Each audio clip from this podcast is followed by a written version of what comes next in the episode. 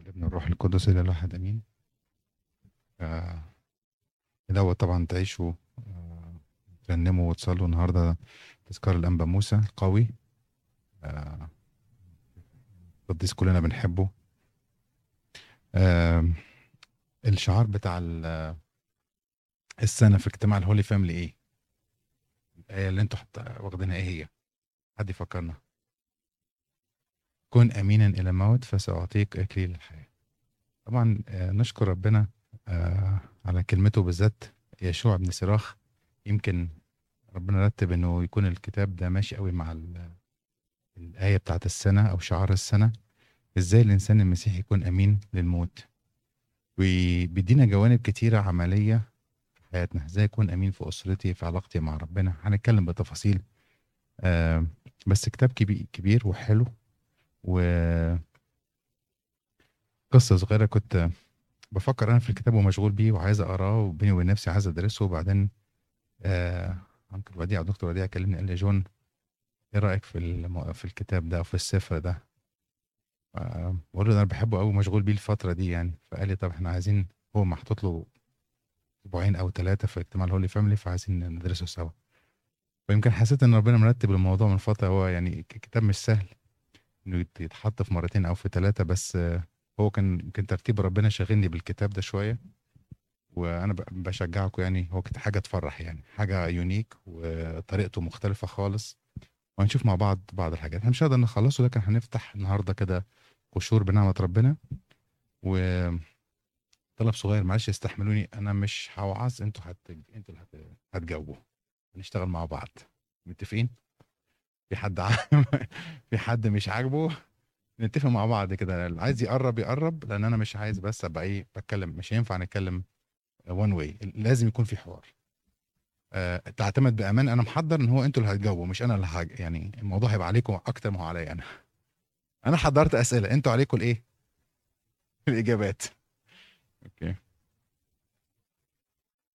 طيب أول حاجة ممكن نبدأ بيها مقدمة بسيطة اللي هي مين الكاتب طبعا وإمتى و... واتكتب فين. طبعا هو الكاتب عرف نفسه في آخر السفر قال أنا يشوع بن صراخ الأورشليمي هو اللي كاتب الكاتب ده الكتاب. وفي في مقدمة في أول السفر حفيده قال إن جدي كتب كتاب عظيم وبعد جهد في الترجمة وتدقيق وتأملات ودراسات أنا نقلت ترجمت الكتاب من اللغة العبرية للغة اليونانية. أوكي هنتكلم بالتفاصيل عن موضوع اللغة ده دلوقتي. يعني الأرجح في المكان الكتابة إنه الجد يشوع بن صراخ كتبه هو في أورشليم. وفي ناس بتقول هو ممكن يكون كتب في اسكندرية لأن كان في جالية يهودية في اسكندرية بس آه الأرجح إنه كانت أورشليم. اتكتب آه في الفترة بحوالي 180 190 قبل الميلاد. السؤال الأولاني ليكم لو إحنا رجعنا ال- الإمبراطوريات اللي بدأت من آه، في الكتاب المقدس. اللي نسمع عنها في الكتاب المقدس. أول إمبراطورية سمعنا عنها إيه؟ يلا نشتغل مع بعض بقى. أنا عايزكم أنتوا ت... يعني نشتغل مع بعض. هنهدي المايك هنا. آه. بس بسرعة كده عشان نصحصح. السؤال إيه أول إمبراطورية سمعنا عنها في الكتاب المقدس؟ بن إحنا بنراجع التاريخ بسرعة كده محطات كبيرة. آه.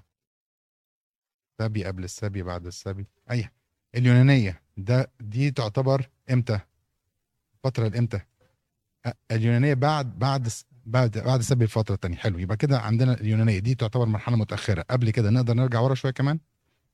من غير ترتيب الفارسية. الفارسية. okay. وبعدين تاني؟ لا مش مش أنا ونرمين نرمين بس. سيار الرومانية دي طبعا الفترة الأخيرة اللي هي قرب ميلاد المسيح. تمام. إيه تاني؟ الأشورية ممتاز. الأشورية تعتبر أول دولة عملت سبي خدت العشر ممالك الأولانية أو العشر sorry العشر أسباط أنا آسف آه، في السبي الأولاني. يبقى الأشورية رقم واحد. البابلية رقم اتنين. مملكة بابل نبوخذ نصر انتصر على مملكة أشور واخد الج- السبطين التانيين وأسرهم في السبي. تمام. وإحنا قلنا بعد كده الفارسية بالترتيب اتقالت الفارسية وبعد كده اليونانية. okay؟ طيب واتقالت برضو الرومانية. يبقى الترتيب اللي إحنا سمعناه اللي هو مثلا لو خدنا بس الحقبة بتاعت من بعد. ال... اللي هي المملكة الإسرائيلية ات- اتأسست وبقت وحدة يعني مملكة ليها مكان وليها ملك واتقسمت بقت بعد كده مملكة شمالية وجنوبية. جه السبي الأشوري بعديها السبي الإيه؟ البابلي وبعديه السبي أو الدولة الإيه؟ الفارسية. مظبوط. كورش خلى اليهود يرجعوا واللي عندهم حرية اللي عايز يرجع يرجع. وقال لهم اللي عايز يبني الهيكل اتفضلوا واداهم إيه؟ فلوس و resources إن هم يبنوا الهيكل. بعد شوية كورش ات- كذا ملك المملكة الفارسية اتهزمت وجه مين الملك ال- اليوناني؟ الإسكندر. الإسكندر الأكبر هو اللي يعتبر آه، أعظم ملك في الوقت ده وكان اتنبأ عنه دانيال في نبوته قال إن هو يبقى فيه إيه؟ مملكة هتيجي زي تيس هينطح جدي كبير وهيبقى م- والنبوه دي اتحققت على في شخص الإسكندر. بعد الإسكندر اتقسمت الم- المملكة بتاعت الإسكندر لاربع أقسام. اللي هم الأربع قواد الجيش بتوعه اخذوا آه، الأرض كلها. يهمني منهم اتنين. المملكة السلوقيه دي فوق في الشمال ناحية سوريا فلسطين والبطالسه ناحية مصر. دول كان. دول الحتتين أو المملكتين اللي يهمونا لأن هم يعني في الكتاب المقدس. فتاني يقول فوق ال- اللي هم السلوقيين ناحية سوريا وفلسطين في الشمال شمال الأورشليم طبعا والجنوب مصر. هم دول الدولتين دول كانوا بيتصارعوا مع بعض مين ياخد الأرض دي كلها يبقى يملك من مصر لغاية الشام فوق. فكان في حروب ما بينهم okay؟ أنا بقول الحتة دي مهمة عشان نفهم زمن الكتابة وايه اللي حصل. يعني دي مهمة قوي. ففي الوقت ده كانت المملكة اليونانية سنة حوالي 190 180 وقت الكتابة كانت آه، فلسطين تتبع المملكة الس- السلوقيه أو السلوقيين okay؟ ومصر كانت بتحاول تحارب شوية كان البط... ال- ال- البطالسه بيعملوا رايحين جايين. في الوقت ده كانت علاقة اليهود كويسة بالمملكة آه، اللي هي السلوقيين كان بيديهم حرية اللي عايز يعمل عبادة ابنه في الهيكل رئيس الكهنة بياخد دوره في المجتمع وليه كلمته وهم بيطلبوا منه بس إيه؟ الفلوس أو الضرائب. فكان عندهم حرية. بعد كده أنا فاكر إن تقريبا المهندس جوزيف إداكوا حاجة اسمها الله يعمل في التاريخ شرح لكم تقريبا العصر المكابين أو اليونانيين صح؟ فاكرين؟ حاول تالي هو عمل لمس حاجة زي كده. ممكن ترجعوا لها. بعد كده ظهرت العائله يهوذا المكابي وبقى كان في ثورات وكان اليهود بيحاولوا يدافعوا عن الهوية وعن دينهم وعن آه، بلدهم وعن ال- الفكر اليهودي أو اللي هو ال- ال- اللاهوت اللي هم استلموه من آبائهم كتاب التوراة بتاعهم. آه، ضد أنتيخوس أبيفانيوس الرابع. إحنا الفترة بنتكلم عليها دلوقتي قبل المكابين. الفترة دي كان هم عايشين في هدوء نسبي اللي كان بس بي بيعكر الجو شوية الحرب ما بين مصر وسوريا أو البطالسه وال- والسلوقيين ده اللي كان بيعكر الجو. لكن هم جوه البلد ما كانش عندهم اضطهاد لليهود أو حاجة زي كده. okay؟ ف دي كانت بس مقدمة على اللي بيحصل. لكن أنا سؤالي ليكم ال- لو إحنا بقى نتكلم على الثقافة إيه الثقافة المنتشرة في الوقت ده؟ اللغة الديانات اليونانية. نعرف عن إيه عن اليونانية؟ حد يقول لنا أي حاجة اللي هيعرف حاجة عن اليونانية. بنفكر مع بعض مفيش مشكلة. يا- طب وضح السؤال شوية يا جون يعني إيه اللي نعرفه؟ إيه عن- إيه اللي نع... إيه ح- حاجة عن الثقافة اليونانية مشهورة؟ يعني اليون ها؟ الفلاسفة. ممتاز. إحنا طبعا بنسمع أسامي كبيرة من الفلاسفة فكان عندهم دايما وجهة نظر في الحياة وفي علوم فلسفية أكتر من اهتمام بالإيه؟ بال... بالمثلا بإن هم يكسروا ال... اليهود ويخلوهم يد... ي... ي... يدوهم مثلا فلوس أو أرض هم كان يهمهم الفلسفة أكتر عكس الرومان. الرومان كانوا بيهتموا بالقوة وإن يقمعوا الناس ويبتدوا يعملوا هم مشاريعهم الخاصة وياخدوا فلوسهم في شوية عنف أو في قوة. لكن هم مشهورين أكتر بالفلسفة وليهم حاجة تانية. اللغة مرتبطة بيها. اللغة كانت اللغة ال... اليونانية. مظبوط؟ اللغة اليونانية لو قلنا في أيامهم زي دلوقتي تبقى هي اللغة إيه؟ اللي يوازيها إيه؟ الإنجليزي. فهم نشروا اللغة اليونانية بقت كل العالم بيتكلم لغة واحدة. طب ده معناه إيه؟ لما العالم كله يقدر يتكلم لغة واحدة إيه اللي ممكن يحصل؟ next step بالظبط الثقافات. الناس تقدر تتبادل الكتب يتبادلوا إيه تاني؟ يتعاملوا مع بعض في إيه؟ الهوية يجوا يقعدوا مع بعض ويسكنوا مع بعض ويختلطوا مع بعض. إيه تاني. إحنا قلنا الثقافة. عايزين هيبقى في تجارة. هيسكنوا مع بعض هيتاجروا مع بعض هيتعاملوا مع بعض. ففي تجارة في معاملات. في دلوقتي عادات اجتماعية وممكن تكون كمان الديانات. كل واحد جاي بخلفيته بالآلهة بتاعته بيتعاملوا مع بعض. مظبوط؟ المجتمع اليهودي يتعامل مع مواقف زي كده إزاي؟ أو إيه التحديات اللي تواجههم؟ ده كان مجتمع شبه مقفول على نفسه في إن هم يعني بيقولوا عن نفسهم إن هم شعب الله المختار اتبعزقوا في السبي وبعد كده لسه بيحاولوا يرجعوا تاني والكت والهيكل والرئيس الكهنة. يعني يعتبر مجتمع منغلق نسبيا بالنسبة للدول التانية. لما يجي لهم الناس من كل حتة ويبقى عندهم ثقافة مختلفة ولغة مختلفة إيه التحديات اللي ممكن تواجههم؟ أكيد هتتغير السلوكيات بتاعتهم يتجوزوا من بعض. يس العقائد التانية. هيبتدوا يفكروا إزاي يتعاملوا مع الناس دول ويقربوا لهم. فيكون الفكر بتاعهم إيه؟ سيب بقى ال ال ال ممكن نقول الطرق القديمة طرق الآباء ويحاول يتعامل بالفكر الجديد. عنده مشاكل اجتماعية ممكن تكون في البلاد مثلا عندهم في حاجة عادي إن هم يعملوها في البلاد التانية مثلا تعدد زوجات آه، في حاجات تبقى مثلا بالنسبة لهم محرمة ما تعملهاش عند الناس تانية عادي صح؟ الأجيال الجديدة اليهود دول الولاد اللي طالعين شباب بيشوفوا المجتمع دي ويتعاملوا عايزين يبقوا تجار وعايزين يبقوا ناجحين في حياتهم وعايزين ياخدوا مكانهم ويتكلموا مع كل الناس ويتعلموا تعليم عالي هيبقى إيه المشكلة بالنسبة للشباب دول أو للناس دي؟ هم هيمتصوا الثقافة دي مظبوط؟ وهيبقى في من الناحية التانية إيه؟ يعني ابائنا عاشوا بطريقة معينة خليهم هم كده كويسين وإحنا دلوقتي بنتعلم اللغة الجديدة وإحنا معانا الكالتشر فكرنا بحاجة الموضوع ده؟ حياتنا هنا.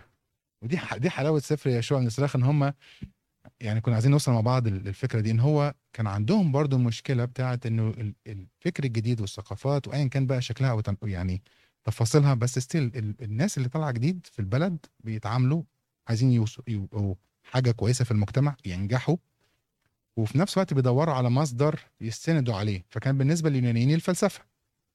اللغة التعليم مظبوط والتجارة والنجاح ده بالنسبة لهم. مين شاف الوضع ده؟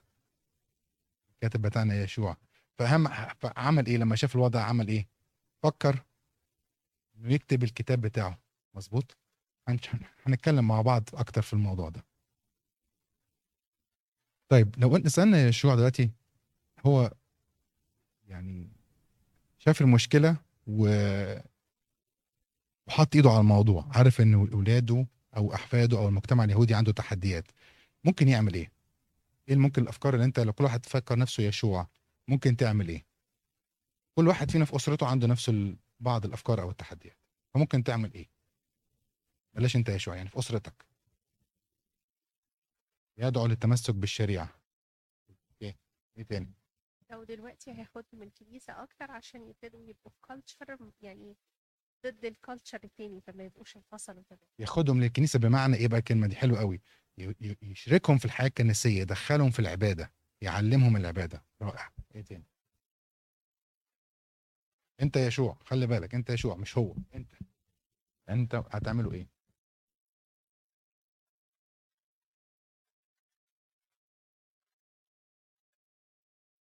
هيتعلمهم الحاجات اللي هو اتعلمها هيش- هيشاركهم بالحاجات اللي اتعلمها. يبقى مصدر قوته كان هو إيه بقى؟ الشريعة هو دارس الشريعة متأملها وحافظها كويس جدا ولما تقروا حضرتك ال- الكتاب هتلاقي إن هي عبارة كأنها تفسير للشريعة كان هو بياخد الشريعة اللي موسى كاتبها وحكمه ال- الأنبياء والملوك وبيطبقها في حياته. فبيقول لهم هي مش مجرد تاريخ أو إزاي الإنسان الحكيم يعيش أو إزاي الإنسان بتاع ربنا يعيش في العالم ده. وعنده قصص ما يعرفش عنها حاجة. لا بيوريهم إزاي يعملوها في حياتهم فانتوا قلتوا إيه دلوقتي؟ قلتوا ثلاث حاجات. أول حاجة هيشجعهم على التمسك. مظبوط؟ بالشريعة. اتنين هيشاركهم في العبادة أو في الحياة الكنسية. رقم ثلاثة هو مستند على الكتاب بتاعه أو إن هو درسه كويس جدا وفهمه وعايش بيه. هي مش موضوع مدرسة. هو على فكرة فتح مدرسة وابتدى يعلم الشباب وبيديهم الحكمة. بس مش موضوع تدريس جاف إنما هو موضوع إيه؟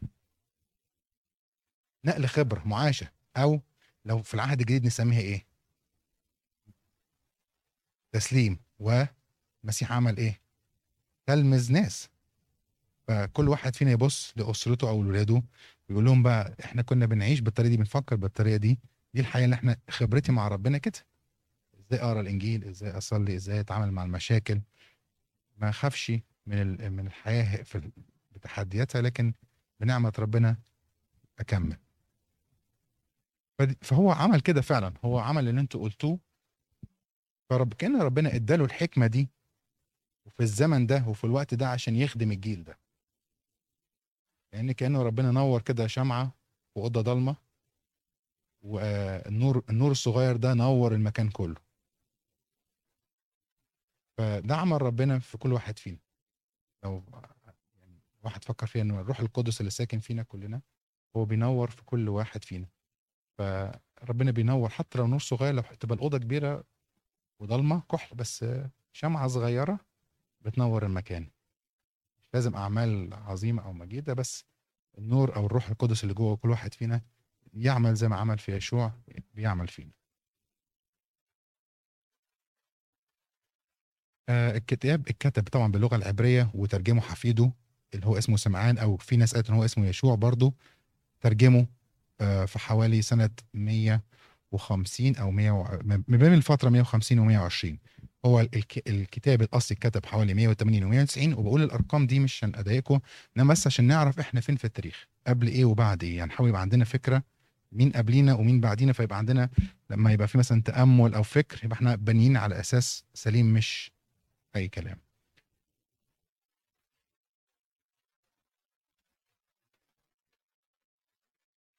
السفر باللغة اللاتيني اسمه اكليزياستكس بمعنى الكنسي أو أو إكليسية. آه، كان بتستخدمه الكنيسة القديمة وحتى الكنيسة الحديثة في مثلا الكنيسة الكاثوليكية بيستخدموه في تعليم الناس اللي هتنضم للإيمان جديد و أو اللي هم اتعمدوا ولسه بيكملوا. فهو كان بيستخدم في في الكنيسة لإعداد أو تف يعني الناس تت- تت- تتأهل تبقى جزء من جماعة المؤمنين. فكان كتاب كنسي. يعني زي ما مثلا بنقرأ ال- القراءات في الكنيسة هم كان ده كتاب بيستخدم في الكنيسة بيعلموهم ويفهموهم ويشرح لهم من الكتاب ده.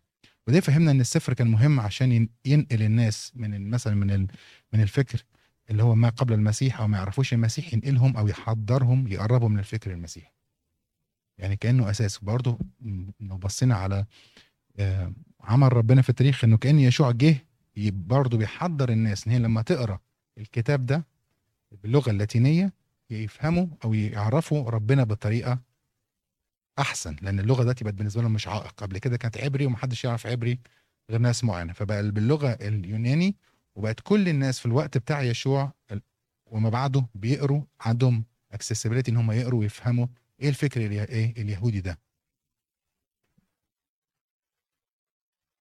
الكنيسة هنا في الأيام بتاعتنا دلوقتي بتستخدم سفر يشوع آه، في نبو نبوات. ممكن في أسبوع الالام بنسمع تقريبا في كل يوم بسخة نبوة من يشوع. يعني هو كمان مستخدم في أسبوع الالام ومر وفي نبوة واحدة في الصيام الكبير. لكن ممكن هن- هنس- لما نفتح ال- القطمارس بتاع أسبوع الالام هنلاقيه موجود. آه، أبسط تقسيمة للسفر ثلاث حاجات. وفي تقسيمات كتيرة بس أنا بقول أبسط واحدة فيهم ثلاث حاجات. أول حاجة من واحد ل 43 آه، حكمة أو حكم يعني على مواضيع مختلفة. الاصحاح من 44 ل 50 آه، بيحكي سير الآباء اليهود القديسين زي إبراهيم نوح آه، داود سليمان أليشع حسقية. بيديهم مثل إنه الحياة دي اللي أنا بقولها لكم كانت موجودة في أشخاص هم آبائنا. فبيقول لهم افتخروا بآبائكم افتخروا بالميراث بتاعكم لأن هم دول الرجال الله القديسين اللي ربنا استخدمه عشان يدينا الميراث اللي أنا وريته لكم ده كان موجود في في, الناس دي. آخر حاجة اللي هي إصحاح 51 اللي هي صلاته بقى بيشكر ربنا فيها. لو فتحت معاكم آه مش عارف أوصل الايباد دلوقتي. آه بس أنا مش عارف.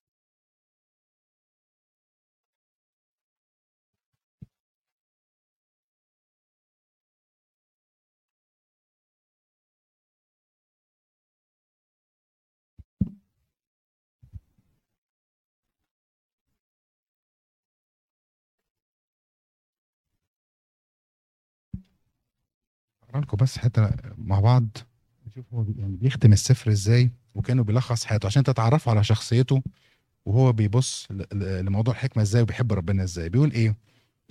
أحمدك أيها الرب الملك وأسبحك يا الله مخلصي. أرفع لاسمك الحمد لأنك أعنتني ونصرتني وحفظتني من الموت ومن شرك النميمة والإفتراء وكنت لي عونا على خصومي. وبكثرة رحمتك وعظمة اسمك أنقذتني من أنياب المتأهبين لابتلاعي وأيدي الساعيين إلى الفتك بي ومن المصائب الكثيرة التي حلت بي. أحمدك لأنك خلصتني من لهيب النار التي أحاطت بي ولم يكن لي يد في إشعالها من أعماق الموت وأكاذيب الألسنة ومن الكلام الجائر عند الملك. دنت نفسي من الموت وبلغت حياتي من حافة الجحيم. وكان خصومي يحاصرونني من كل جهة ولا من نصير. ونظرت حولي بحثا عن من يعينني فيما وجدت أحدا. فتذكرت رحمتك يا رب وعملك الجليلة في سالف الأيام كيف أنقذت الذين رجوك وخلصتهم من أيدي أعداء الأعداء. فرفعت إليك صلاتي من الأرض راجيا أن تنقذني من الموت وصرخت إليك قائلا يا رب أنت أبي. أنت القدير وتقدر أن تخلصني. لا تتركني في أيام الضيق وفي ضعفي أمام المتعجرفين. أحمد اسمك على الدوام و- وردت لك آيات الشكر. فاستجبت لي وأنقذتني من الموت وأنهيت تعاستي. لك الحمد. وسبحك وأبارك اسمك أيها الرب. إيه رأيكم؟ من صلاته عرفنا حاجة عن حياته؟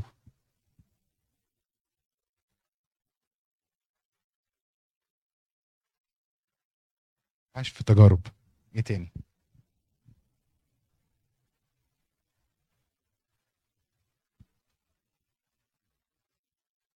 بيتعامل إزاي مع التجارب؟ طيب.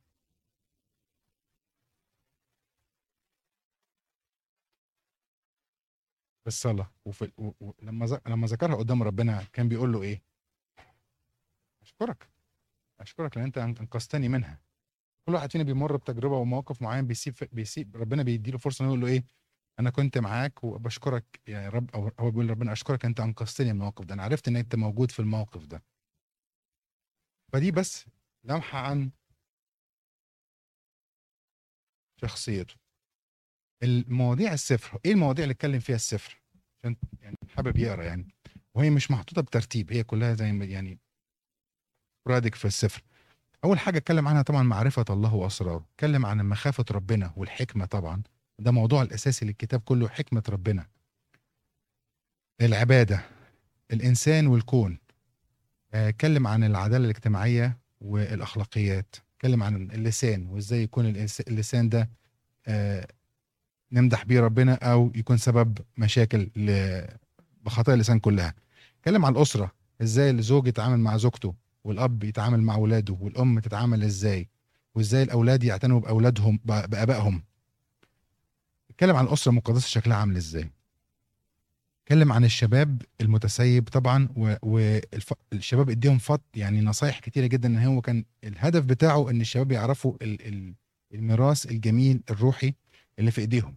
فكان بينصح الشباب دايما من ناحية الايه العلاقات ويخلي بالهم من أصدقائهم وما ينخ... ما, ينط... وما يختلطش بأمرأة أجنبية ويكون يعني ليه علاقة واحدة بس بزوجته ومركز في إن يكون عنده علاقة مقدسة. آه مو- مواضيع يعني يعتبر يعني هو متفرد بيها الولائم والحفلات إزاي لما الشباب أو الناس تخش ال- ال- العزومات يتعاملوا إزاي؟ يتكلموا إزاي؟ ياكلوا قد إيه وما ياكلوش قد إيه؟ بيتكلموا إزاي؟ يبقى أنت شكلك كويس في المجتمع وتتعامل إزاي مع الناس لأن انت هو مش عايز يعزلهم عن الناس هم عايزهم يخشوا ويختلطوا وياخدوا اللي مفيد من المجتمع من الثقافة وفي نفس الوقت ما يتنازلش عن قيمه وأخلاقه وعن روحياته ومبادئه. فدخل في كل حاجة.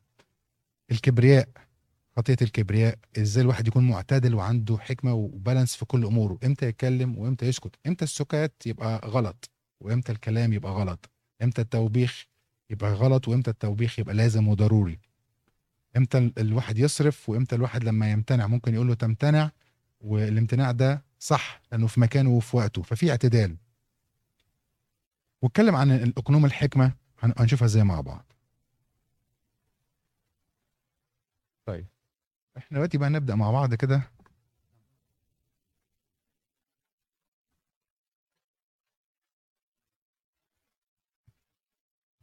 إحنا هنسال سؤال في الإصحاح وانتوا حضراتكم اللي هتجاوبوا هنحط سؤال للإصحاح وأنتوا هتقروا الإصحاح معايا وتجاوبوا. أوكي؟ عايز حد ممكن يقرأ كده بصوت وكلكم يا ريت تتابعوا إما بالتليفون أو من السكرين. في حد ممكن يتبرع يقرأ الإصحاح؟ الأولاني.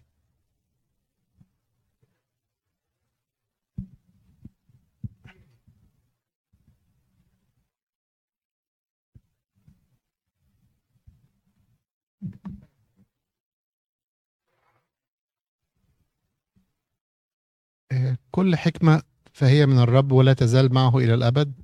من يحصي رمل البحر البحار وقطار المطر وأيام الدهر من يمسح سمك السماء ورحب الأرض والغمر. وم- ومن يستقصي الحكمة التي هي سابقة كل شيء.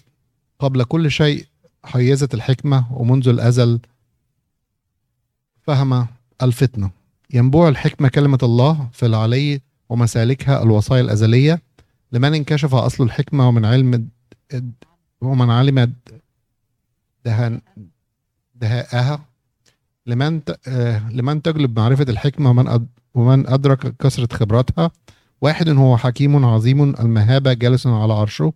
الرب هو حازها وراها وأحصاها وأفضاها على جميع مصنوعاته. فهي مع كل ذي جسد على حسب عطيته وقد منحها لمحبيه. مخافة الرب مجد وفرح وفخر وسرور وأكليل ابتهاج مخافة الرب تلذذ القلب وتعطي السرور والفرح وطول الأيام.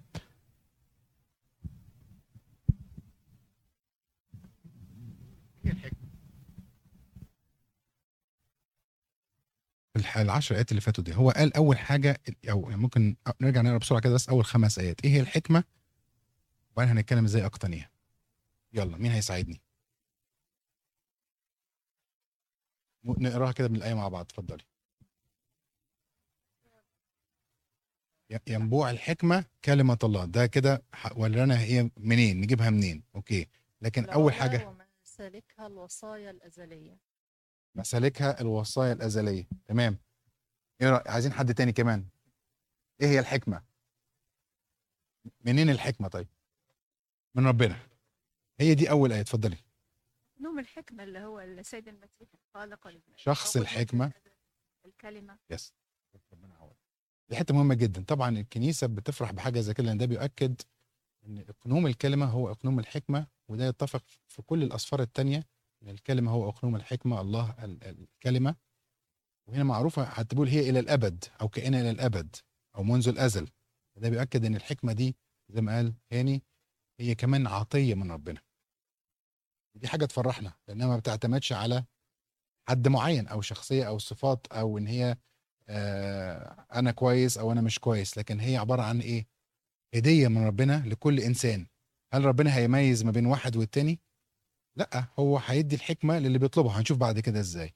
يبقى الحكمة وده لما حاول يعني واحد يفتتح الكتاب بتاعه. أول حاجة قال إيه؟ الحكمة آه الحكمة هي من الرب وتبقى معه إلى الأبد. مظبوط؟ فدي حاجة تفرحنا إن ودي موضوع اللي عايز حكمة يطلب من ربنا. الحكمة هو الرب وأنت لما بتطلب حكمة أنت بتطلب مين؟ ربنا. طيب في حتة كلمة تانية يعني بتكررت كتير اللي هي مخافة الرب. عايزين نقرأ برضو الآيات الجزء الثاني كلمة مخافة الرب آه، اتكلم عليها كذا مرة. أهي مثلا من أول 11 12 وبعد كده لغايه 16 نشوف إيه كلموني عن مخافة الرب. حد يقراها كده ويلخصها هي دي شوية بتشبه رأس الحكمة مخافة الرب اللي جت في سفر الأمثال. Yeah. وده بيدينا أهمية إن الواحد يبقى عنده خوف ربنا. هو ده يعني أهم أهم حاجة تميز الإنسان اللي عنده الحكمة اللي هي من ربنا إن هو يخاف ربنا. طيب نتكلم عن مخافة ربنا نقول إيه؟ واحد يقول مخافة ربنا؟ إيه معنى مخافة ربنا؟ أكيد يعني يعني يعني دي في مفهومي أنا إن آه، الإنسان بي بيتبع وصايا ربنا لأنه بيحبه ومش ما, ما يحبش إنه يزعل ربنا. جميل قوي فدي اقتناعه الشخصي ان هو أنا بحب الإله ده ومن خلال حبي ليه أنا ما بحبش أزعله فبخاف إن أنا أزعله. حلو قوي. الحلو قوي دي إن أنا بحب ربنا وعندي مخافة ربنا في قلبي إن أنا ربنا عايز أقف قدامك كده بإيه؟ بطهارة بمجد بإحترام باللي يليق بالله القدوس. عايز اقف لما اصلي ابقى مركز ان أنا واقف قدامك الله القدوس. عايز لما اخدم ابقى قدامي بخدم الله القدوس زي الملائكة بيخدموك. عايز لما ابقى في بيتي ابقى حاسس بيك وشايفك في مخافة كده. ماشي في شغلي أنا بشتغل لمين؟ لربنا ما صحصحوا معايا. أنا بخدم عشان آه صحيح بعمل. بجيب فلوس وبساعد أسرتي لكن كمان أنا هدفي الأكبر إن أنا بشتغل ليه؟ عشان أنا بساعد خطة ربنا إن الناس دي كلها اللي حواليا أنا في الدورة دي إن دورة العمل دي تشتغل والناس تنتج ويبقى في خير للناس كلها عشان ربنا بيبارك وتبقى لخير ربنا لخير الناس والمجد ربنا. يبقى أنا مش بشتغل تحت ضغط إن أنا محتاج فلوس إن أنا كمان بشتغل لأن ده خطة ربنا أنا شغال في خطة ربنا. فمخافة ربنا هي اللي بتخليني أبقى أمين في شغلي أمين في ولادي أمين في علاقتي مع ربنا فمخافة ربنا قدامي. فقال مخافة الرب هي عبارة عن إيه بقى؟ مجد وفخر. عايز يقول لل- لل- للشباب دول ما, ما تبصش لل- للناس اللي حواليك أو الثقافة أو المجتمع إن هم عايشين في حياة عالية وفكر عالي. لكن مخافة ربنا الهديه دي هي عبارة عن إيه؟ مجد وفخر ليك. أنا أعتز بمخافة ربنا. لما يكون فيا مخافة ربنا دي حاجة أنا أعتز بيها وأفرح بيها. مخافة الرب الرب تلذ تلذ للقلب وتعطي السرور والفرح وطول الأيام. المتقي الرب يطيب نفسا في أواخره وينال حظوة حتى في اللحظات اللي هي الأخيرة. الم- بيخاف ربنا نفسه بتبقى مرتاحة ومطمن إنه حابب ربنا وبي- وبيتقيه محبة الرب هي الحكمة المجيدة والذين تتراءى لهم يحبونها عند رؤيتهم لها وتأملهم العظيم رأس الحكمة مخافة الله جميلة قوي دي إنها تولدت في الرحم مع المؤمنين وجعلت عشها بين الناس ومدى الدهر وستسلم نفسها إلى ذريته.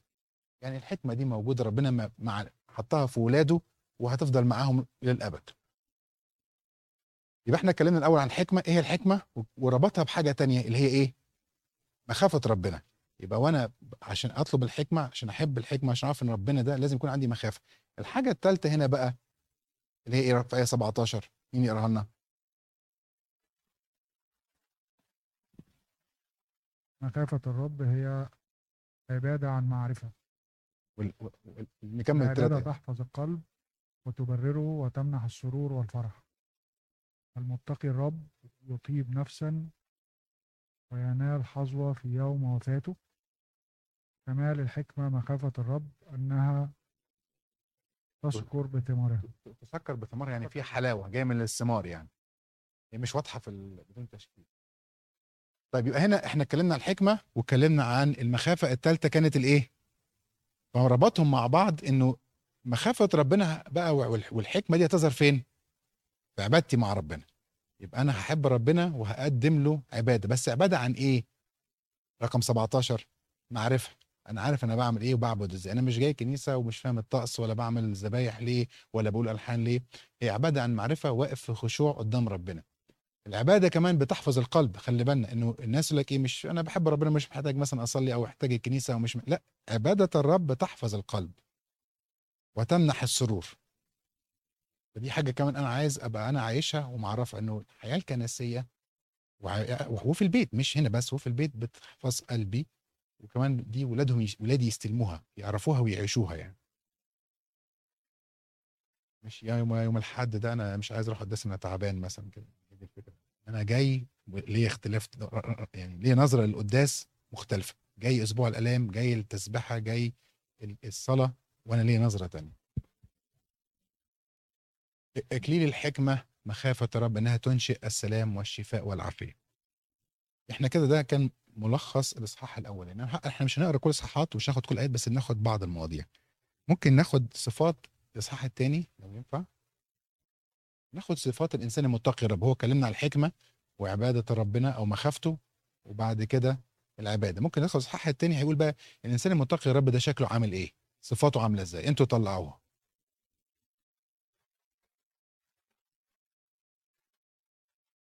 واحد كده يقول آية ويعلق عليها. اتفضل. البر والتقوى. أعدد نفسك للتجربة. يعني بنعتبر إن التجربة دي بتنقينا يعني عقاب من ربنا. الإنسان المتقي الرب بي- بيعد نفسه لخدمة الرب وبيشوف ويستعد إن الحياة مش هتبقى سهلة يعني هو متوقع إن يكون في حاجة. إنه يكون متوقع إن يكون في تجربة ولكن مش إن ربنا بي- بيضايقه لكن دي ده ده الطريق المتوقع. فيا ابني إن أنا قبلت لخدمة الرب خليك مستعد. إيه تاني؟ إيه صفات الإنسان المتقي الرب؟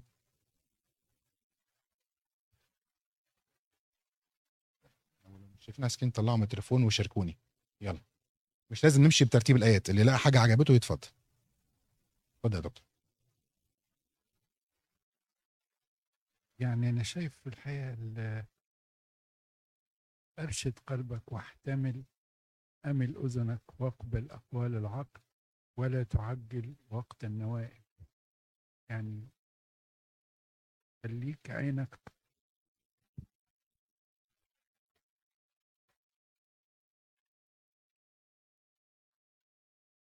ارش طب ارشد قلبك إيه رأيك في كلمة ارشد قلبك؟ على فكرة الترجمة بتاعتها مش صح. طب اتفضل. Humble.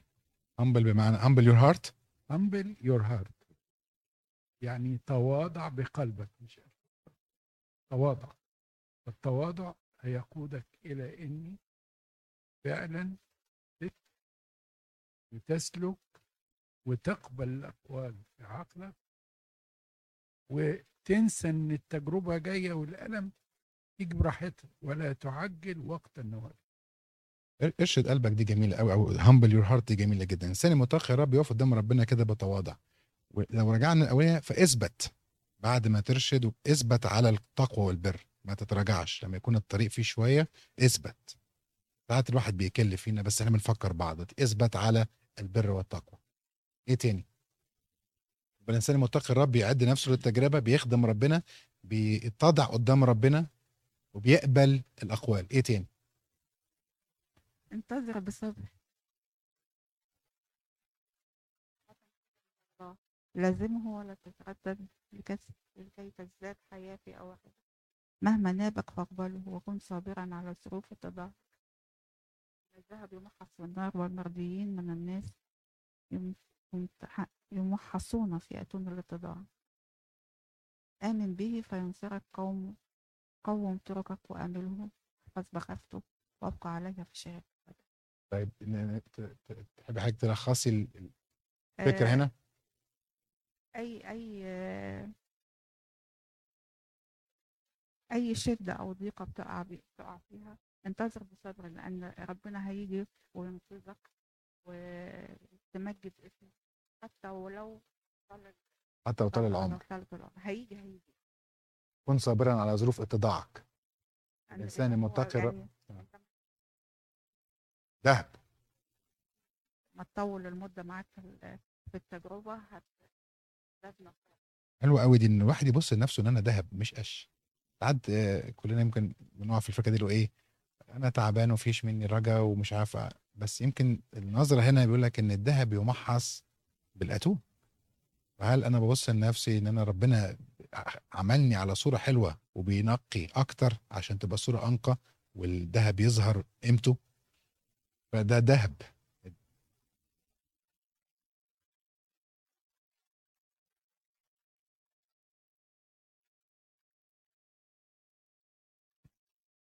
بيقاوم آه، بيقاوم حاجة ده جواه يعني يعني الاتضاع مش عملية سهلة مش سهلة. ولكن بتنقي. بتنقي الاتضاع ده يعني حياة وبتاخد مجهود واحتمال بصبر شديد يعني. وده بيأكد على فكرة إن الترجمة بتاعت أرشد قلبك دي لأ مش صح يعني. كمل بعدها فعلا بتؤكد إن التر- الترجمة مش صح الاتضاع هو ال- إنما. ال English مظبوط على فكرة في أصحاحات كتيرة فيها ترجمتها يعني be careful وانتوا بتقروا بالعربي قصدها بالانجليزي في حاجات كتيرة أوي. بتوضح أكتر أو المعنى بيختلف بيبقى. ليه معنى بالظبط. مختلف بالإنجليزي. نشكر ربنا. طب نكمل. مين عنده تاني؟ آه، الإنسان المتقي الرب ده فهمنا إن هو بيصبر وبيتضع إيه تاني؟ آمن به فينصرك جميلة قوي دي. هتقولي عليها حاجة تاني؟ آمن بربنا هينصرك. طيب إيه تاني؟ نكمل. عايزين نمشي شوية كمان ها؟ أنا تعبتك يا ارمين. أمشي بقية الاصحاح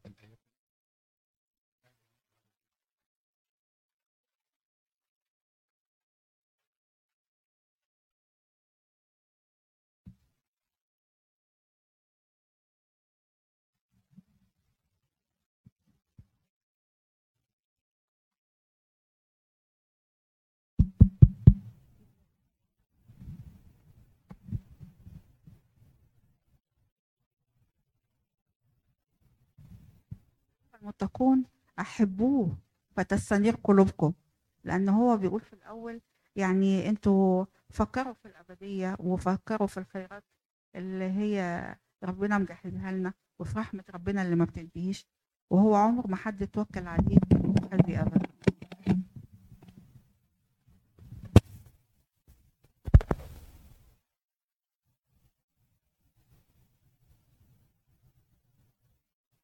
كذا مرة ما عشان كده هي دي. المتقون ربنا عمال يقول كذا حاجة فعايزكم أنتوا بقى تطلعوا إيه المتقون دول يعملوا إيه. أنا عايز أتقي ربنا.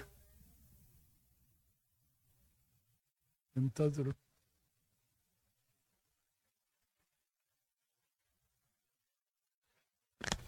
يبقى الانسان المتقي ربنا يبي أنت. انتظر الرح... انتظر رحمته. آمنوا به فلا يضيع أجركم. أملوا الخيرات يعني نوضحها إيه معناها أملوا دي؟ سرور الأبدية الرحمة أمل. إنهم آه 11 إيه رأيكم في آية 11 أحبوه. واو. أحبوه. أحبوه.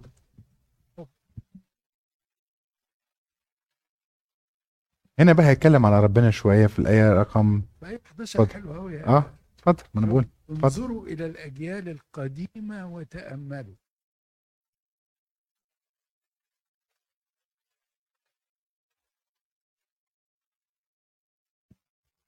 شجعنا دايما إن إحنا نبص على تعاملات ربنا مع آبائنا وال... والكتاب المقدس كله تاريخ الكنيسة بتاعنا.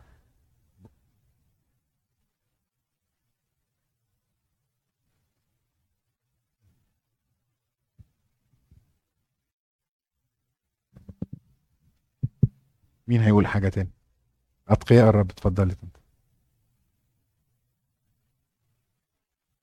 كلنا شغالين محدش هيقعد ساكت. فإن الرب رؤوف ورحيم يغفر الخطايا. كل اللي إحنا ده كله ده بيترتب على الحاجات اللي فاتت دي كلها. اتقوا الرب وإنه رحيم وإنه الحاجات الحلوة اللي فاتت دي كلها. وإنه لم يخزل منتظروه الكلام ده أو الأجيال القديمة وكده. حاجة حلوة قوي إن هو ما يخذلش المنتظرين. دايما الواحد يفكر نفسه ربنا مش بيخذل يخذل المنتظرين. وكمان بيقول إيه؟ إن هو اتفضل. في حتة قوي 12 آه، دعاه أو أحد دعاه فاهمل يعني مفيش حد هيكلم ربنا وربنا مش مش سامعه. مش هيسمعه.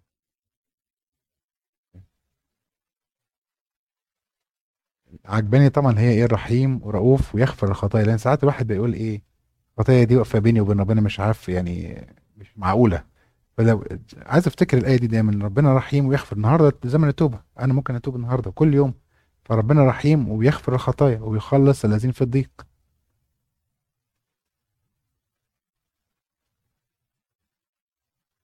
في حد عايز يضيف حاجة في الذي تكون الرب؟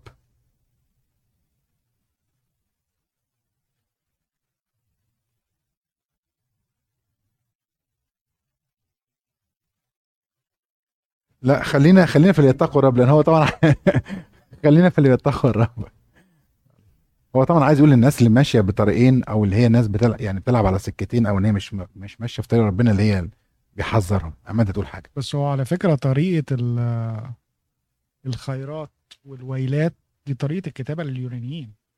هو لك الحلو لك الويلات وبعدين لك الحلو.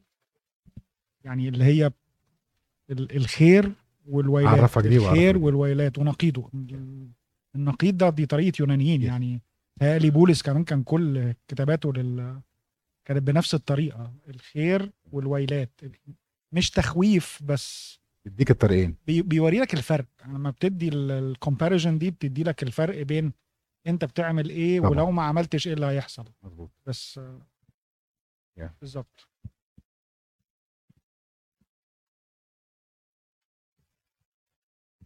طيب إيه رأيكم نمشي؟ حد عايز يقول حاجة تانية ولا نكمل؟ اتفضلي يا طنط أيوه المتقين الرب هم. ويحفظون طرقه يبتغون مرضاته. حلوة قوي دي. والمحبين له يمتلئون من الشريعة يهيئون قلوبهم ويخضعون أمام أمام نفوسهم. يحفظون وصاياه ويصبرون إلى يوم افتقاده آه لا هي طبعا رائعه أشكرك يعني ربنا يعوضك. المتقين الرب بيحبوه بيحفظوا طرقه وبعدين ال 19 يقول يمتلئون من الشريعة. اللي بيحبوا ربنا بيمتلئوا من الشريعة. ومش كده وبس. إيه رأيكم في آية 20 زي الواحد يعني يفكر في الآية في الآية دي شوية. طب إزاي بقى الواحد يهيئ قلبه؟ يعني تعمل إيه أنت كإنسان عشان تهيئ قلبك؟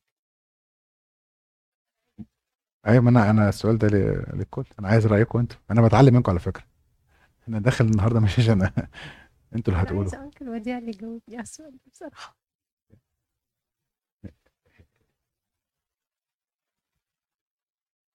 يهيئ.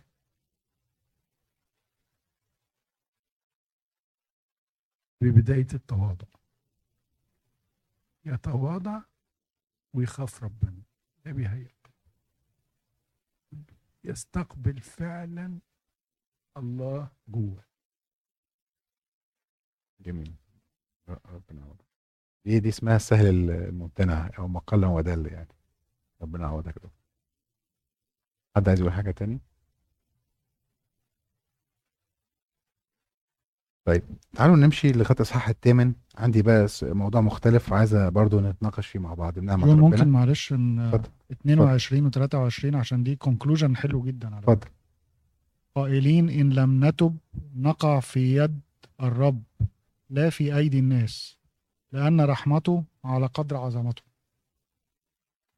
فحتى لو أنت معرفتش ده يبقى عندك الأمل في هو- اللي هو عندنا رجاء يعني رجاء. عندك الرجاء إن هو حتى لو أنت م- ما تبتش ربنا هيحاسبك بس هيبقى رحيم يعني. متقين يعني. رب هي دي تكملة فعلا وت... وت... وت... وتكم... يعني يس الم-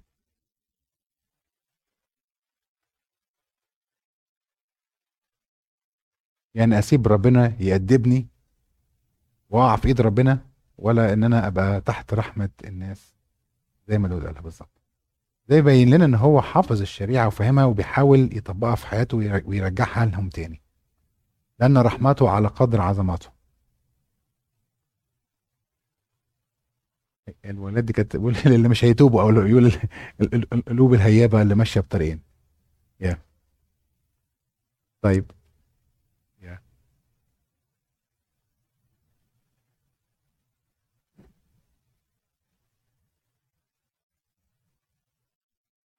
ومالوا إلى طرق السوء. عايز أقول لهم محدش يفقد صبره يعني وما يبقاش متواني يعني ما ياخدش الموضوع بس باستهتار. فبيقول لهم ماذا تصنعون في يوم الرب مش مش عايز مش هقدر أجاوب أعلق على بعد اللي اتقال. تعالوا نمشي في الصح الثامن. هو هنا هيبتدي يتعامل مع آه، شخصيات صعبة. هيقول عايز ينصحنا وينصح كل واحد إزاي تتعامل مع شخصيات صعبة. في كذا نوع اتذكر في الإصحاح ده. عايزين كل واحد يطلع واحدة. يقول يتعامل معاها إزاي. الواحد دلوقتي عايز حكمة وبيقابلنا شخصيات صعبة. هيدينا حكمة دلوقتي إزاي نتعامل مع الشخصيات الصعبة. ده training على فكرة. لما تروح أي شركة يقول لك how to deal with difficult persons أو حاجة. أهو ده ال training بتاعنا دلوقتي من حكمة ربنا إزاي الواحد يتعامل مع الشخصيات الصعبة. فالأول كل واحد يمسك شخصية يقول إيه النوع ويتعامل معاها إزاي. يلا. هي حلوة آية أربعة لا تخاصم الفتيق اللسان ولا تجمع على ناره حطبا اللي هو I think ده السليط اللسان الإنسان اللي هو مش مؤدب. آه. فما ما تدخلش معاه في عداوة وما تحطش نار يعني ما تزودش ما تهيجوش زيادة آه. عشان لسانه هي أنت مش هتقدر تتجاوب معاه في اللي هو ماشي فيه وبالتالي لازم تتحاشى ال- المواجهة معاه. مظبوط. يبقى ساعات الهروب من الشر هنا دي حكمة. لا تخاصم الفتيق اللسان دي حكمة.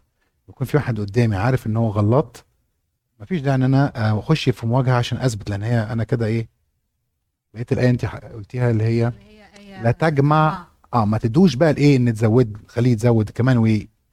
حلو يبقى أول شخصية اللي هي الشخصية الغلطة أو المنفعلة. إيه تاني؟ في شخصيات صعبة تانية. مين يساعدنا؟ مرتد اتفضل. مرتد عن الخطية.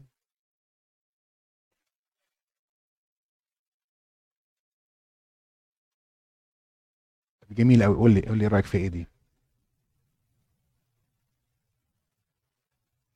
ضعف. مظبوط. فممكن ده سقط دلوقتي ممكن أنا أسقط بكرة أو بعده أو أو سقطت قبل كده ومحدش عرف فما تعايرش حد. ما عايرش ما حد اشوفش واحد وقع في الخطية أبص له وأقول له أنت أنت غلط. مظبوط. لأن إحنا إحنا كمان علينا إيه؟ بالظبط. يعني لازم الواحد يشيل علينا مؤاخذة. مظبوط. ربنا يعوضك. إيه تاني؟ خمسة لا تمازح الناقص الأدب لئلا يهين أسباب. ما تمازحش يعني ما تهزرش مع حد. مش مؤدب لئلا يعني هتاخد بقى يحرج يحرج أسرتك يس. متعود على يب. الشتم يس. فأنت بتجرجره بالكلام يبقى الواحد ياخد باله بيتكلم مع مين وإيه نوع الكلام اللي بيتكلم معاه. لو حسيت إن قدامك يعني. إيه تاني؟ في في على فكرة واحدة كانت في الأول بس نكمل لو إحنا نمشي تحت. اتفضل- يا فندم. يموت أحد. آه. اذكر إننا بأجمعنا نموت. مظبوط. ولا تستخف بكلام الحكماء بل كل لهجا بامثالهم لهجه يعني الواحد يلهج في الأمثال يعني كتر خير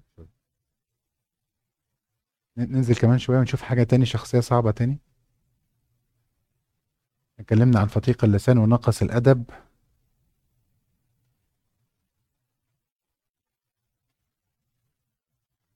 أهو الحتة 13 نشوف كده اول 13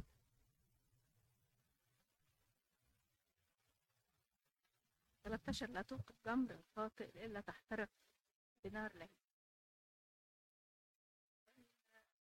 شر تبتعد عنه علشان ممكن يأذيك. ترجعش واحد على الخطية لا توجد جمر الخاطئ الواحد ما يعرف إنه ما تزودلوش أو ما تدوش فرصة عشان ما أنت كمان ما تتصابش من الخطية بتاعته. إيه تاني؟ 14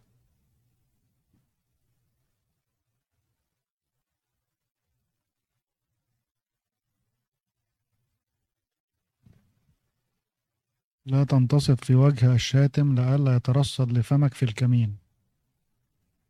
تاني برضو عدينا عليها في الأول إن هو الواحد ما يخشش مع واحد برضو نفس ال... يكون غلط. ومفيش داعي لمواجهة إن أنت تثبت إن أنت هتك... هتكسره أو هتكسب المواجهة دي. أنا شخصيا عجباني نمرة 15 لا تقرض من هو أقوى منك. آه. فإن أقرضته شيئا فأحسب أنك قد أضعته. يعني هتسلف حد هو اوريدي أغنى منك مش هيرجعها لك. أنا مش عارف إزاي هيسلف واحد أغنى منه بس يعني يمكن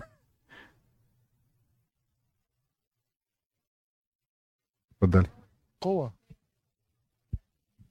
تعمل عمل خير في غير محله يعني. يعني اضعت عمل الخير لأن هو مش محتاج. إن إدي اللي محتاج أولى من ال من الاقوى يعني ممكن يكون ده. نقراها تاني طيب؟ ممكن؟ أقصد أقول لما لما تسلف واحد أقوى منك أو آه. مش محتاج آه. آه، كأنك اضعت العمل ال- الإحسان اللي أنت عملته يعني. ما يحسبش يعني. محدش هيصدق ان انت سل... اديته حاجة يعني. okay. ضاعت عليك خلاص. okay.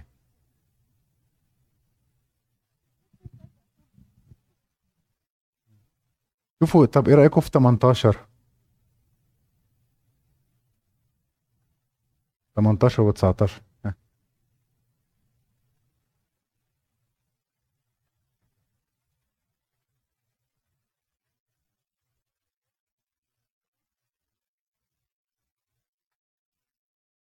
هحاول اطلعها عليك بطريقة ثانية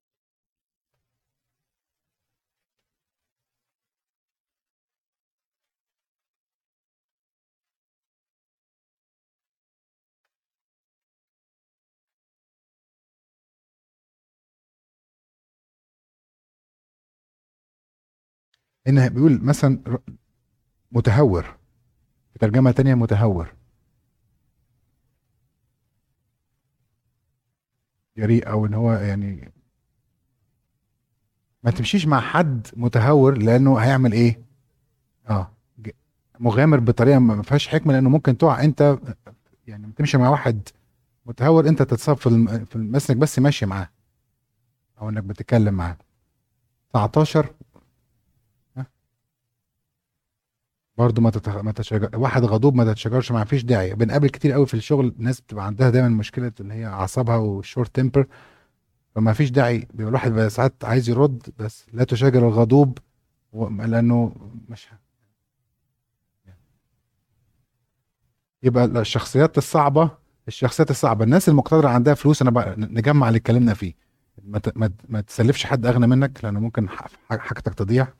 ما تخشش في حوار مع إنسان غضوب لأنه أنت هتخسر أو ما تتهزرش مع واحد يلا يهين أسلافك يكون هزاره مش مظبوط. فالتعامل مع الشخصيات الصعبة هنا كان حد عايز يعلق يزود حاجة؟ أنا حاولت بس أجمع الموضوع. اتفضل.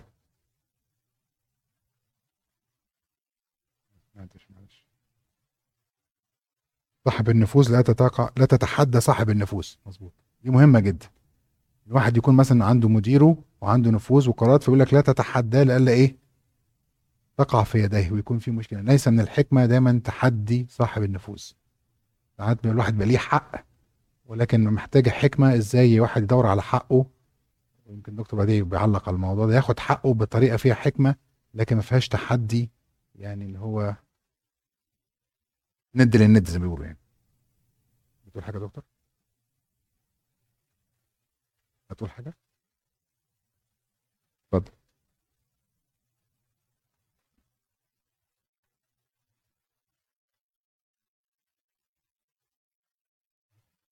يعني فعلا ال- المواقف دي آه، لينا لازم نتعلم منها.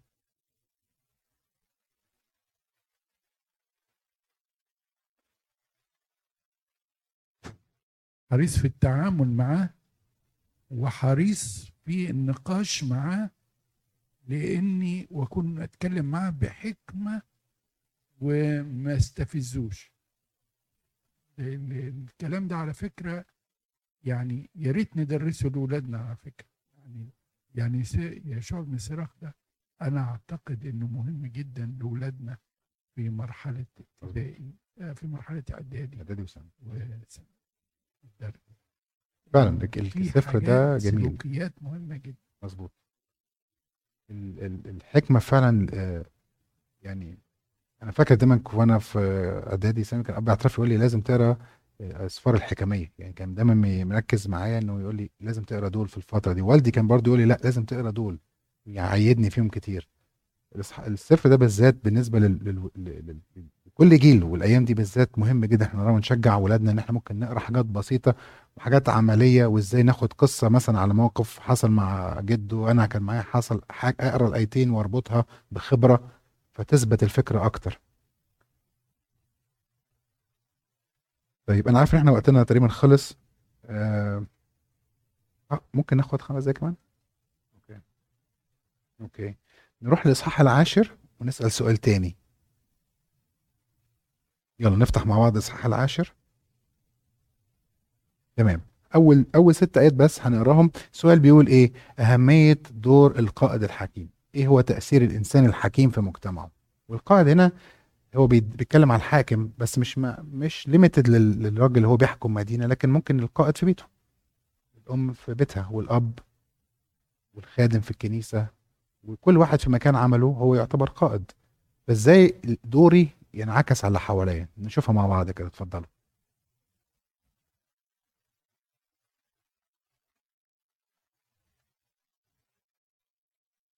مش أنا تعبتكم أنا عايز بس خلاص قربت اخلص.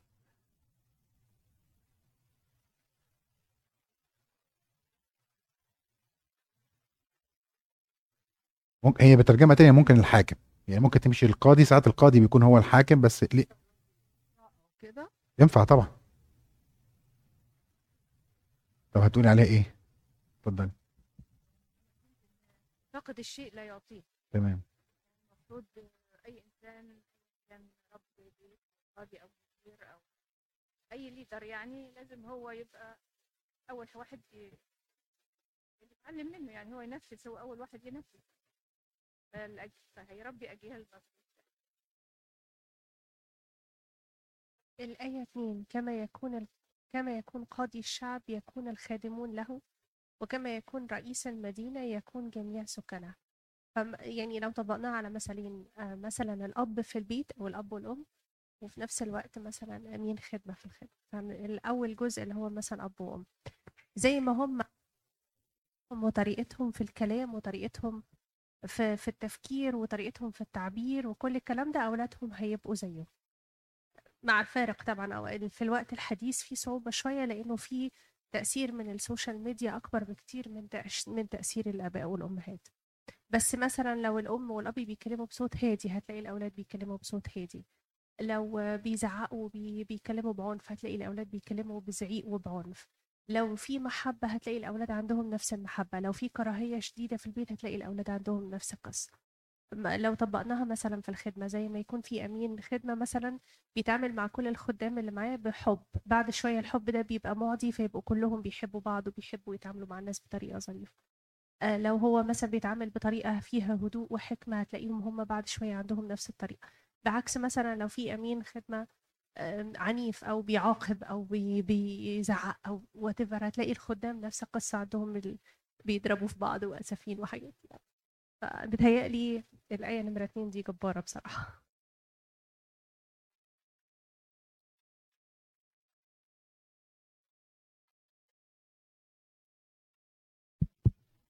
حد عنده رأي تاني؟ إيه رأيكم القاضي الحكيم؟ هل قال ال- مثلا الحاكم يغني شعبه؟ يعمل لهم بقى مشاريع و آه يجيب لهم فلوس. أنا رفعت الضرايب وزودت لكم الدخل وقللت لكم البنزين. هنا ما يج... ما يشغله هو مش إن هو بس يعني يبقى القاضي الحاكم ده إن هو بس يعني يبقى ناجح ماديا أو ت... عنده ممتلكات. لكن هو عايز يقول إيه هنا؟ كلمة يؤدب أو يدبر دي معناها إيه؟ اتكلمنا عليها في المقدمة. حكمة إنه الإنسان الح- الحكيم في بيته مش بس مش شغلته زي ما أنت قلتي إن هو يجيب فلوس أو يغنيهم أو يديهم مراكز أو يديهم شهادات لكن يؤدب أو يرتب هنا في ترتيب كمان والعاقل يكون مرتبا. يعني الإنسان اللي يكون يعمل أموره بترتيب يكون دارس خطواته ويكون ده مصدر يعني في بلاننج هو عايز يعمل إيه ويكون ده مصدر للناس تتعلم منه إن هو في ترتيب بيؤدب شعبه وفي تدبير كمان. آه والعكس بتاعها طبعا الملك الفاقد التأديب يدمر الشعب. شفنا طبعا ملوك ممكن نقول أقرب حاجة في مصر تعبوا تعبوا ال- الناس اللي حواليهم وشفنا ناس تانية بتحاول تعمل حاجة كويسة فبتبقى للخير يعني. لكن تطبيقها بالنسبة لنا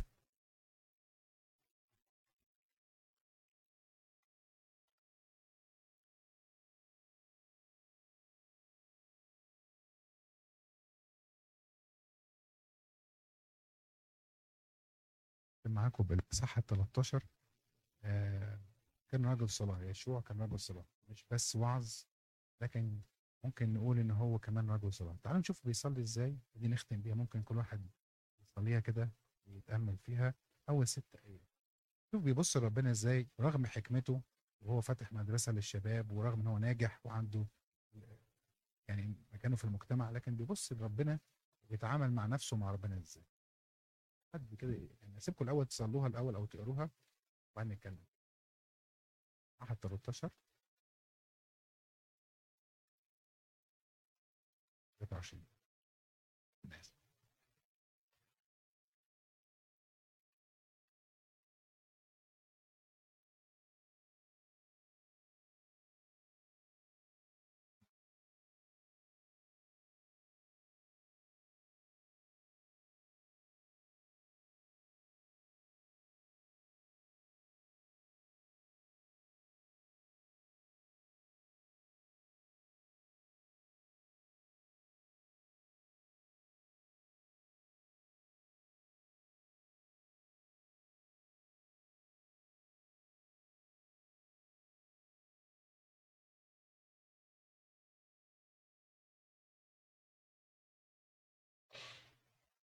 هات يا ست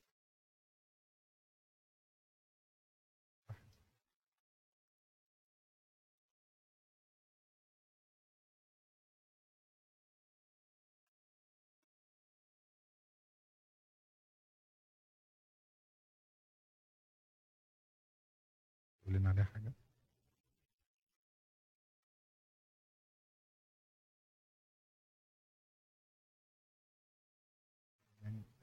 إيه رأيكم وهو بيبص أنتوا شايفين إيه في الصلاة دي؟ تعليق على الصلاة دي؟ دي هو بيتعامل مع ربنا إزاي؟ حاجة عجبتك فيها أو يعني تعليق يعني.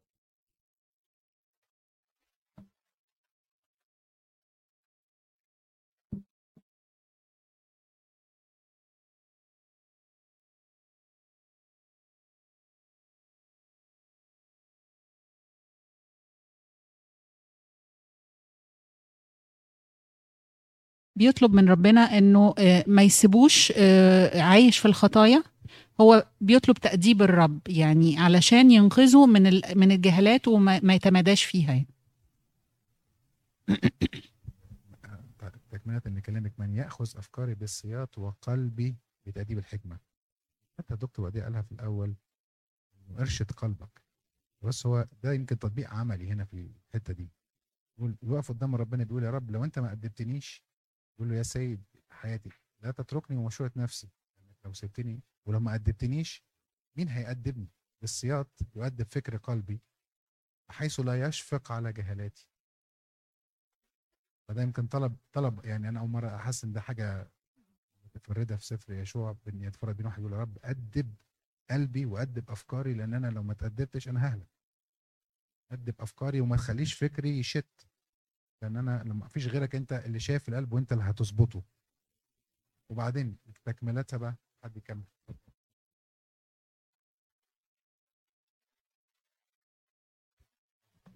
آه، لكي لا تتكاثر جهالتي توافر خطايا فأسقط تجاه أضدادي ويشبط عدوي بي. آه، لكي لا تتكاثر جهالاتي يعني ما افضلش ماشي زي ما أنا. توفر خطاياي ما الخطايا هتزيد. لما الواحد الجه... ما لما الواحد ما جهالاته تزيد الخطايا هتزيد. ان خلاص الواحد ف...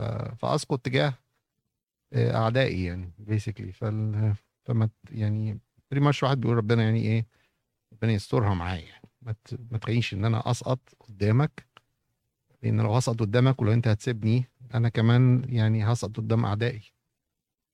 وهتسلم. خمسة وستة هو شايف في في تحديات قدامه عارف مشاكله.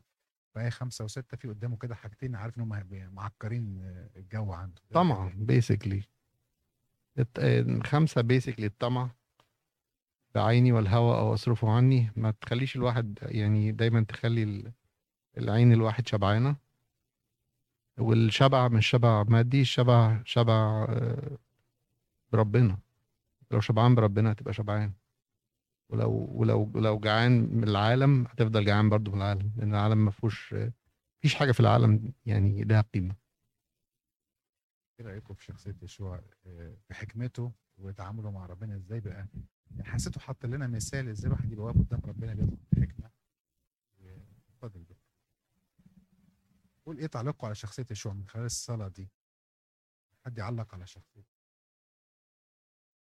أنا حاسس إن في علاقة حب بينه وبين ربنا و يعني فاتح قلبه كده ويتكلم. وعلى فكرة آية أربعة لو قريناها هو شاعر بإني ده أبوه بيكلم أبوه أيها الرب الأب يا إله حياتي. يعني ما شفناهاش يمكن في العهد القديم كله بهذا التعبير. أيها الرب الأب. فهو بيتعامل مع ربنا إن هو ابنه وده أبوه وبيتعامل معاه بالمحبة دي وبالتواضع وبكل الصفات الجميلة. ربنا يعوضك يا دكتور. أيها الرب الأب يا إله حياتي. هو المسؤول عن حياتي كلها. فشخصية يعني بصراحة رغم إن هو عظيم بحكمته لكن الصلاة دي بالذات بحسستني كمان هو قد إيه قدام ربنا في علاقته بربنا زي ما الدكتور قال. علاقة كده متفردة. الحكمة دي ما جاتش عبارة عن دراسة. هي دي علاقة حب فعلا ومتمسك بربنا قوي وبيطلب التأديب. قبل كده بيطلب تقول له لا أنا في الكنيسة أقول لا تؤدبني بغضبك أو لا ترج- ترجزني بغضبك. يعني هنا بيقولوا لا أدب فكري عشان ما اضلش شخصية جميلة جدا.